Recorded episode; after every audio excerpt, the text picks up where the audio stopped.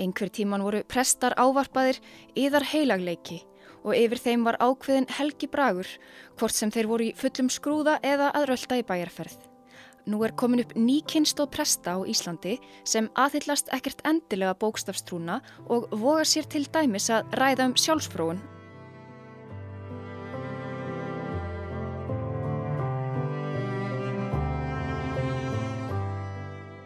Dagur Fannar Magnússon er einn af þessum prestum. Hann er 29 ára, búin að þjóna í tvö ár í heitölum í Breiðdal. Þar býr hann á samt konu sinni og þremur börnum. Ég er fættur uppalinn á Selfossi og hérna flutti ekki þaðan fyrir bara eftir framhaldsskóla. Þá ætlaði ég bara, þykist eitthvað að ætlaði að vera læknir og út að slóa ekki í ykkur á þrjá mánuði og flosnaði upp á því alveg um leið. Af hverju? Það var bara ekki fyrir mig. Nei. Ég bara nefndi ekkert að sita yfir anatómi í ykkur bulli, sko. Einmitt. Var það þá sem þú ákvæmst að þú vildi vera prestur eða kom það setna? Ég veist ég veit ekkert hvernig ég ákvaði hvernig ég vildi vera prestur, sko. Ég held að það hefði bara meira verið svona ykkur innir köllum, sko. Ok. Ykkur handleysla bara. Leittuður áfram. Var það eitthvað svona ákveðin, var eitthvað svona ákveðin sem gerðist eða var það bara allt í hennu orðið eitthvað sem þú þú vildi gera? Þetta var eiginlega bara orðið eitthvað sem að, já, þetta var, þú það var ekkert ákveðið sem gerðist, sko. Þú veist, ekki alveg uppi trúari, þú veist, jú, maður fór svo sem sundarskóla með ömmu, sko, þegar, þegar maður var hjá henni, sko.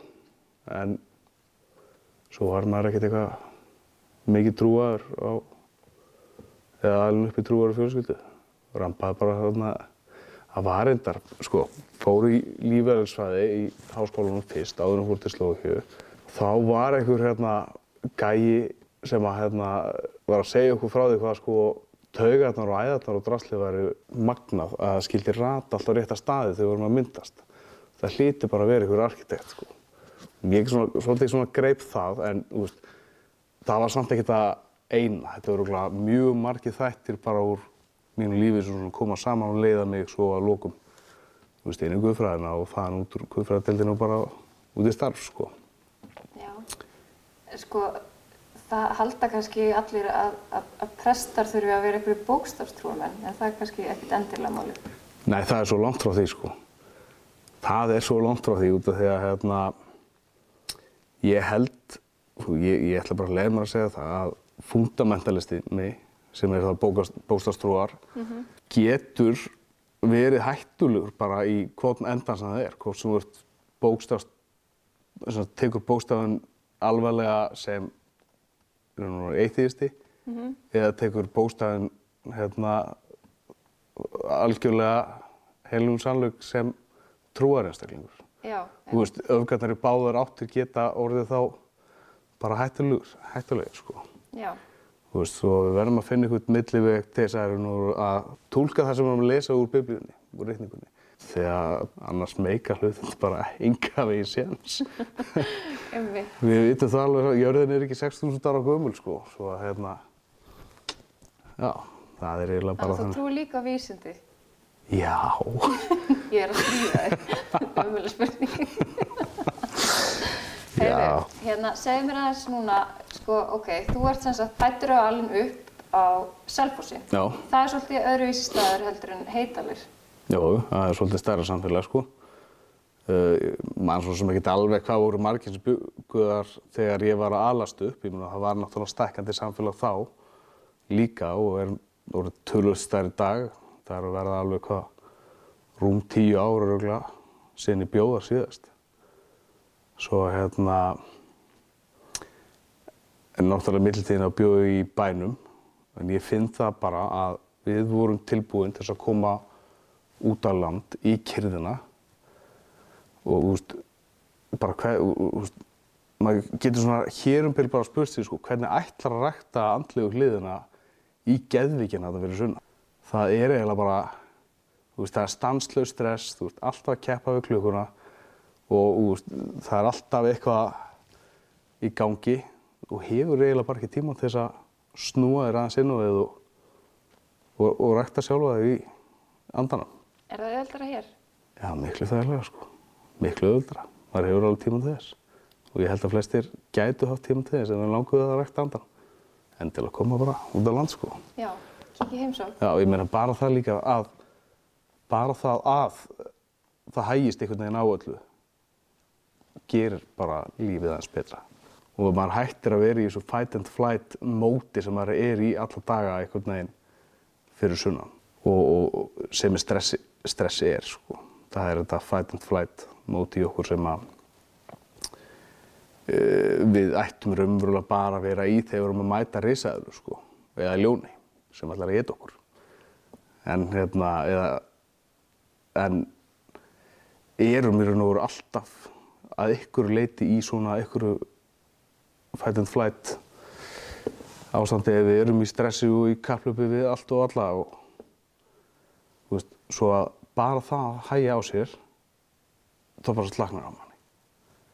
Svo að hérna en svo náttúrulega út af því maður hægjar á sér og maður svona kannski getur ástafa aðeins tíma sinum sjálfur þá hefur maður bara meiri tíma til þess að koma að hinga til dæmis út í kirkju setjast niður, íhuga fara oftar í fjallgöngu og, og bara vera einhvern veginn í uh, mómentinu, í augnablikinu og fylgjast bara einhvern veginn með með lífinu gerast sko.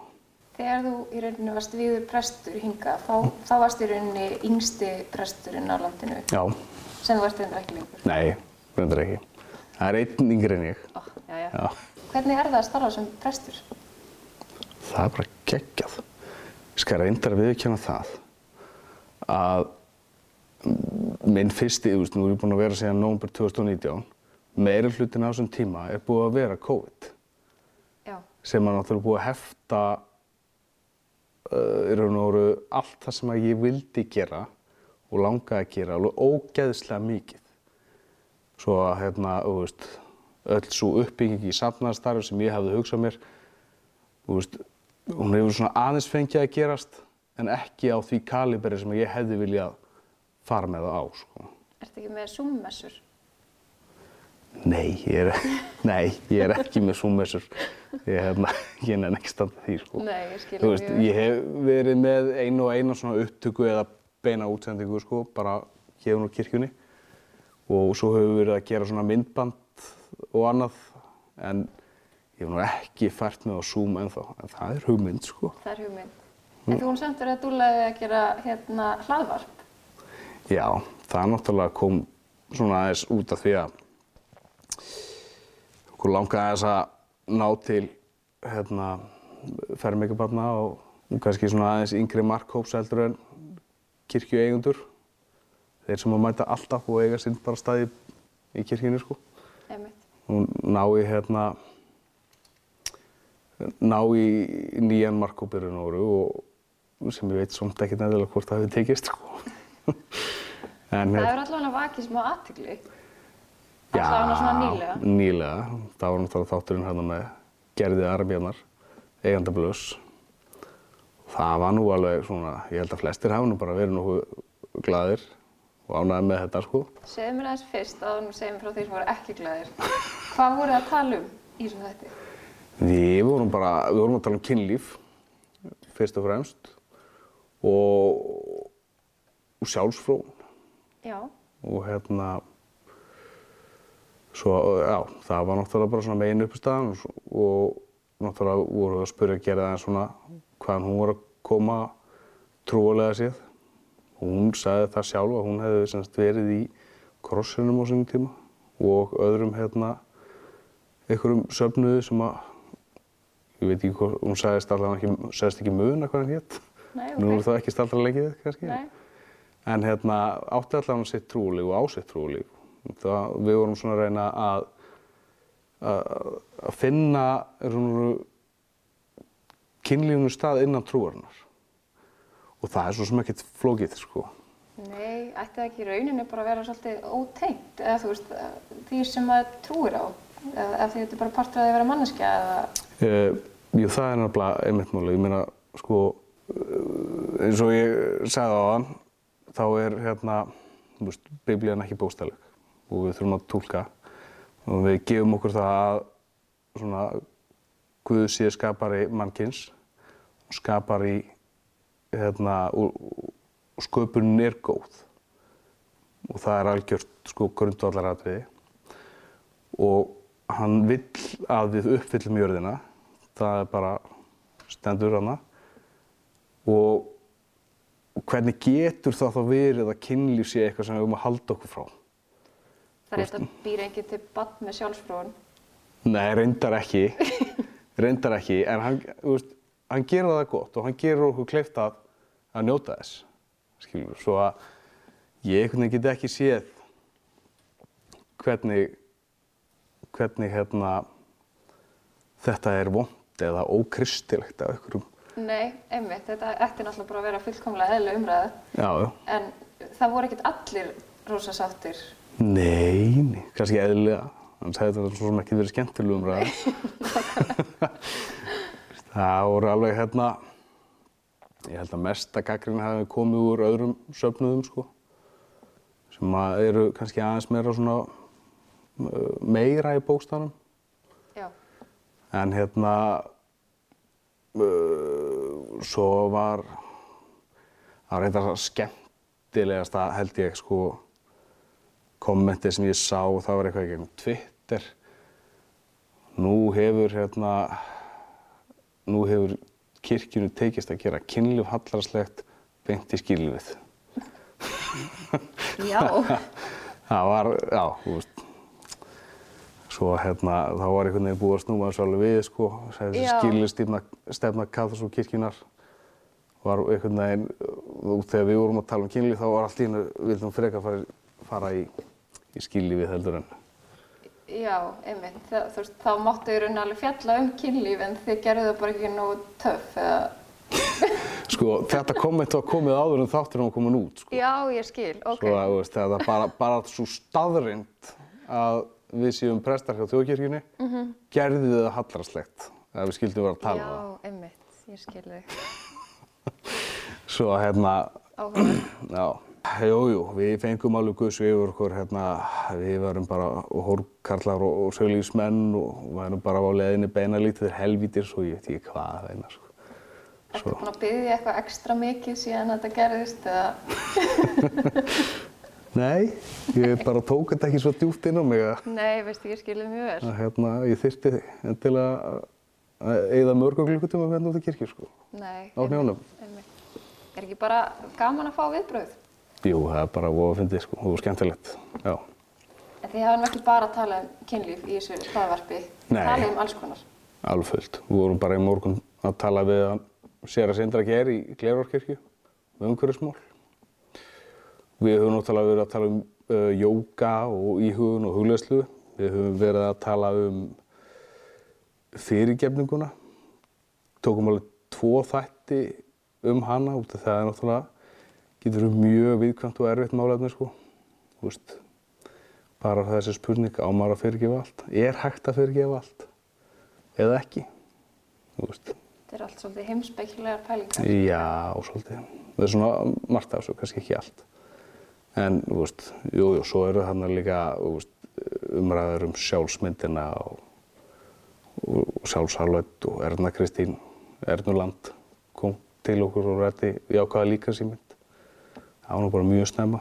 Það er ímislegt rætt. Það er ekki bara, ekki bara kynlíf og rung, sko. Ekki bara. Nei. Þá nennir einhvern að hlusta. Neglin. og bara já, svo fólk viti, þá heitir þetta sérst kirkjukastið. Já. Er það greitt? Jú. Með sé, Já. já. Þegar maður er prestur, er, það er ekki eins og að vera bara pípari eða eitthvað. Þú veist, að þú ert bara pípari þegar þú ert í vinnunni og svo þú ert komin heim tíð þá ertu ekki lengur. Ef maður er prestur, er maður alltaf prestur. Já, basically. Það er allan að, veist, þegar ég fyrir að sækja börnum mín í leikskólan þá er yfirleitt koma krakkandi sem hafa verið Prestur, prestur Þú veist, og ég er bara, bara ég er bara kallaður prestur. Veist, og, og ég held að mjög margir prestar bara lifuðu þennan raunveruleika, allavega prestar í minni samfélagi, samfélagum, lifi við þann raunveruleika að vera svolítið svona bara, einmitt, þú ert bara presturinn. Á meðan kannski, hérna, þú týnist hvað sem er svolítið mikið í fjöldanum í bænum, sko. Veist, þar, þar getur kannski skilið meira á milli veist, vinn og engalís. Já, það getur alveg farið í kringluna og það er enginn að segja prestur. Nei, ekki nema bara, veist, svo ólíklega þú vilti til að þú hittir sóknarbarnið þitt, Já, já, já, skilur, já, sem að er duglegt að sækja kirkjuna þina. En finnur þú fyrir einhverju svona, einhverju ábyrgð að þú sért í rauninni sko fyrirmynd? Sko, mér finnst náttúrulega bara allir að finna fyrir þeirri ábyrgð að reyna að vera fyrirmynd. Það er kannski, kannski tekst mann ekki að standa undir þeirri svona, þessari helgu ímynd sem að hefur kannski verið að prestum gegnum tíðina eða vera eitthvað svona fyrirmynd, maður reynir að vera það, en ég meina stundum bara fokka maður upp hlutunum. Já, það hljóta allir að geta gert það á einhverjum tímafóti. Já, já. En sko það er einmitt þetta með að þú veist það myndi örgulega enginn fara að skipta sér af því þó að sko einhverjir bara einhverju dútar út í bæ fara að tala um kynlíf í einhverju hlað, hlaðvarpi. Nei, nei. En út af því að þið eru prestar, Já. það er fréttapunkturinn í þessu. Já. Tveir prestar voga sér að tala um kynlíf og sjálfsfrófun. og þú veist, þannig Já, að þar eru þið kannski, þú veist, en ég meina, er það ekki bara pínu þannig að það er svolítið verið að brjóta upp þessa staðal ímyndir af alls konar störfum, ekki bara ykkur. Jú, jú, ég myndi alveg halda það. Að, þú veist, ég get svo sem ekki tala fyrir aðra starfstéttir en ég meina það er alveg sannlega komið tími til þess að brjóta upp þessa staðalímynd af uh, tjóðkirkjuprestunum, sko. Að hérna, það sé háheilagur og mjög alvarlegur maður. Að því að nú erum við náttúrulega bara með fólki öllum ræðbúðslitum í, í starfi hjá þjóðkirkjunni. Já. Þú veist, svo að hérna, já, mann þarf ekki að vera mjög stíður. Nei, ekkert mjög. Nei, nema það bara ekki vera neitt stíl. Nei, nei, nei, nei, algjörlega. Hérna, hvernig, nú, nú búið hérna, þú byrjaði með Já. fjölskyldina þína. Já. Uh, hvernig líkar ykkur að búa hér? Sérðu fyrir þér að vera hérna lengi? Ertu með einhver plön? Sko, ég sagði við hérna kjörnundina þegar ég kom í kjörnunda viðtal uh, sem er nefndi sem velur prestin. Uh, 15 ár max. Nei, jú, jú, svona 15 ár max. Ok, að þá er bara, ég held að það sé bara, það er í öllum starfstættum. Svona 10, 8 til 15 ár, þá ertu bara búin að gera allt sem þið langar til að gera. Þú ert komin leið á söfnuðunum og söfnuðunum komin leið á þér já, sem prest, skilur. Þá er kannski bara ágætt að fara bara í næsta verkefni, fara bara á, í næsta söfnuð og, og hérna næsta prestakall og, og byggja upp starf þar aftur. Þú ert komið með nýja hugssjón og festist ekki svona í einhverju sama hjakkinu, sko. Nei, einmitt. Hvað er erfiðast við að vera prestur? Sko, ég, eins og segi, ég hef bara ekki fengið að reyna neitt rosalega mikið. Þú veist, sem betur fer hef ég ekki þurft að eh, jarða unga einstaklinga, en ég get alveg undir mér að það sé það erfiðasta sem að prestar gera. En, þú veist, alveg finnst mér nógu erfitt að jarða. Það er alveg, þú veist, ömurlegt. Ég kem alltaf, sko, heim alveg tómur. Það er ekkert eftir, einhvern veginn. Eftir ég er að fara í rúkisturvægningar. Og, og hérna, svo að, þú veist, ég get, eh, langar eiginlega bara ekkert að leiða höfðan að því hvernig ég er að þurfa að gera það lítil börn, sko. Nei. Eða ungt fólk. Svo ég, þú veist, ég held að það sé það erfiðasta, sko. Heldur þetta sé eitthvað sem að getur sko vanist eða svona heldur að verði auðveldara eftir, að auðvelast meiri starfsaldur eða heldur þetta verði bara alltaf erfitt? Ég held að það verði bara alltaf erfitt. Ég, þú veist, ég held að samkend, hún minkar ekki, sko. Þú veist, ef að samkendin er farin, þá getur þú bara hætt þessu. Já. Þá, hérna, það var allavega sóknarpresturinn Jónu Kristins sem sagði það um mig þegar ég var eitthvað að segja það hana með þetta, þetta svo erfitt og, og, ég hefði mestar áhugjur af því að ég færi nú bara að grenja fyrir fram á sögnin sem hefði nú alveg gerst, sko eða svona tár eða eitthvað og hérna þá sagði hann um mitt þetta eitthvað, eitthvað sem hún hefði heyrt annar staðar bara um leið og þú finnur að þú hefur enga samkjönd lengur með fólkinu sem þú ert í, á þessu verkfæri með, þá getur bara hætt. Þá ertu bara búið. Það er gott að hafa eitthvað við mér. Já, þú bara að gera eitthvað annað. Lendur þú einhvern tímann í svona sko, samtali við einhverja trúleysingja þú veist, sem er að reyna að samfara þig um eitthvað annað heldur en að trú sé skynsamleg? Já, sko, já, það vil nú bara þannig til að eiginlega flestir mínir bestu vinnum eru allir trúleysingjar svo hérna, við eigum þetta samtal bara mjög oft. Ok, hvernig tæklar það? Já, hvernig?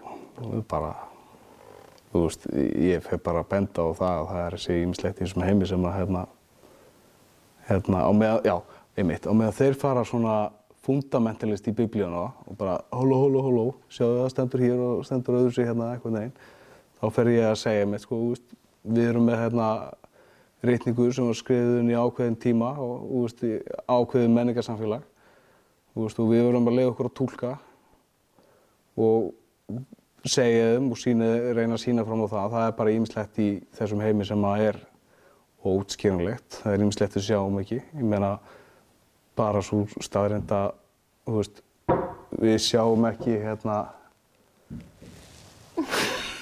Það sem þú þekkir það. það getur verið, það er um dótið mín.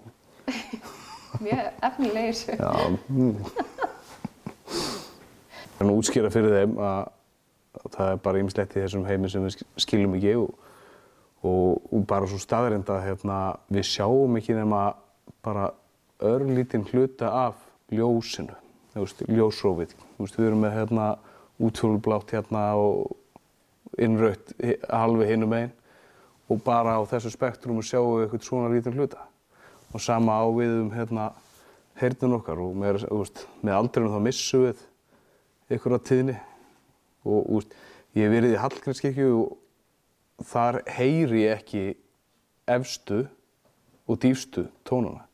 Það er bara eitthvað algjört hátíðni hljóð efst í Hallgrímskirkju, í orgelinu og dýfstu tónun þá bara nöðrarkirkjan. Það eru nú ekki hljóð og það eru, úst, meina, það eru fleiri skinnfæri sem að úst, fuglar hafa en við höfum ekki. Við, að hverju getum við verið að missa, missa. Hvað getum við séð, hvað getum við heyrt, hvað getum við skinnjað við hefðum alla þessa hæfileika til þess að sjá, skinja og heyra um hverju við í kringum okkur. Með þess að sjónin er ekki eins og þá fullkomin að heilin býr til ykkur af myndir, sko. Já, til að fylla upp í eða. Til þess að fylla upp eðunar. Já. Svo að er eitthvað þarna sem að við sjáum ekki, sem, þú veist, getum við vitað?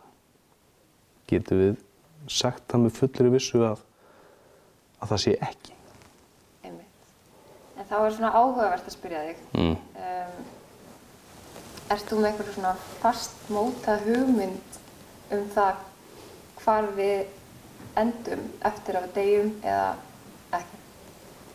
Nei, ég er svona ekki mjög, mjög fastmótaði hugmynd að því. Sko, uh, ég get ekki sé, ég, úst, ég veit allavega ekki segja sko, úst, við förum í blómabrekkuna heinum meginn og, og ég er í sumarlandið og það sem að, úst, ég vil segja er að sko þetta er svolítið, flókið. Eilífðin er utanum og allt í kringum tíman og tíminn er aðeins, þú veist, uh, hvað að segja, tími er framtíð, fortíð og nútíð, eða það er þannig sem við lítum á þann, en það eina sem er raunverulegt er núið, þar sem að fortíð og framtíð mætast, en allt í kring og í gegnum þetta nú er eilíðin. Það er það sem við komum og það er þangað sem við förum. Þegar núið hættir að vera, það er eftir döða. En hvað það er, sennilega ekkert um að gott, það er það sem ég vil meina. Og en hvernig tilfinning eða hvað við upplöfum, því get ég ekki svarað fyrir en komin hérna meginn. En það er allavega ekki bara svart Nei, mold og ormar að borða okkur. nei, ég myndi, nei, ég vil ekki trúa því. Nei, ekki heldur. Nei. Er eitthvað svona sem að, að lokum, eitthvað sem þið langar að, að koma framfæri? Bara þetta sko að reyna að lifa í núinu og hægja þess á og finna, já, finna eilíðinni núinu og því að það er náttúrulega hægt að fá snertina af eilíðinu, eilíðinni í þessu lífi þótt að komi kannski til fulls þegar við, förum yfir en njóta þess alveg í bótt.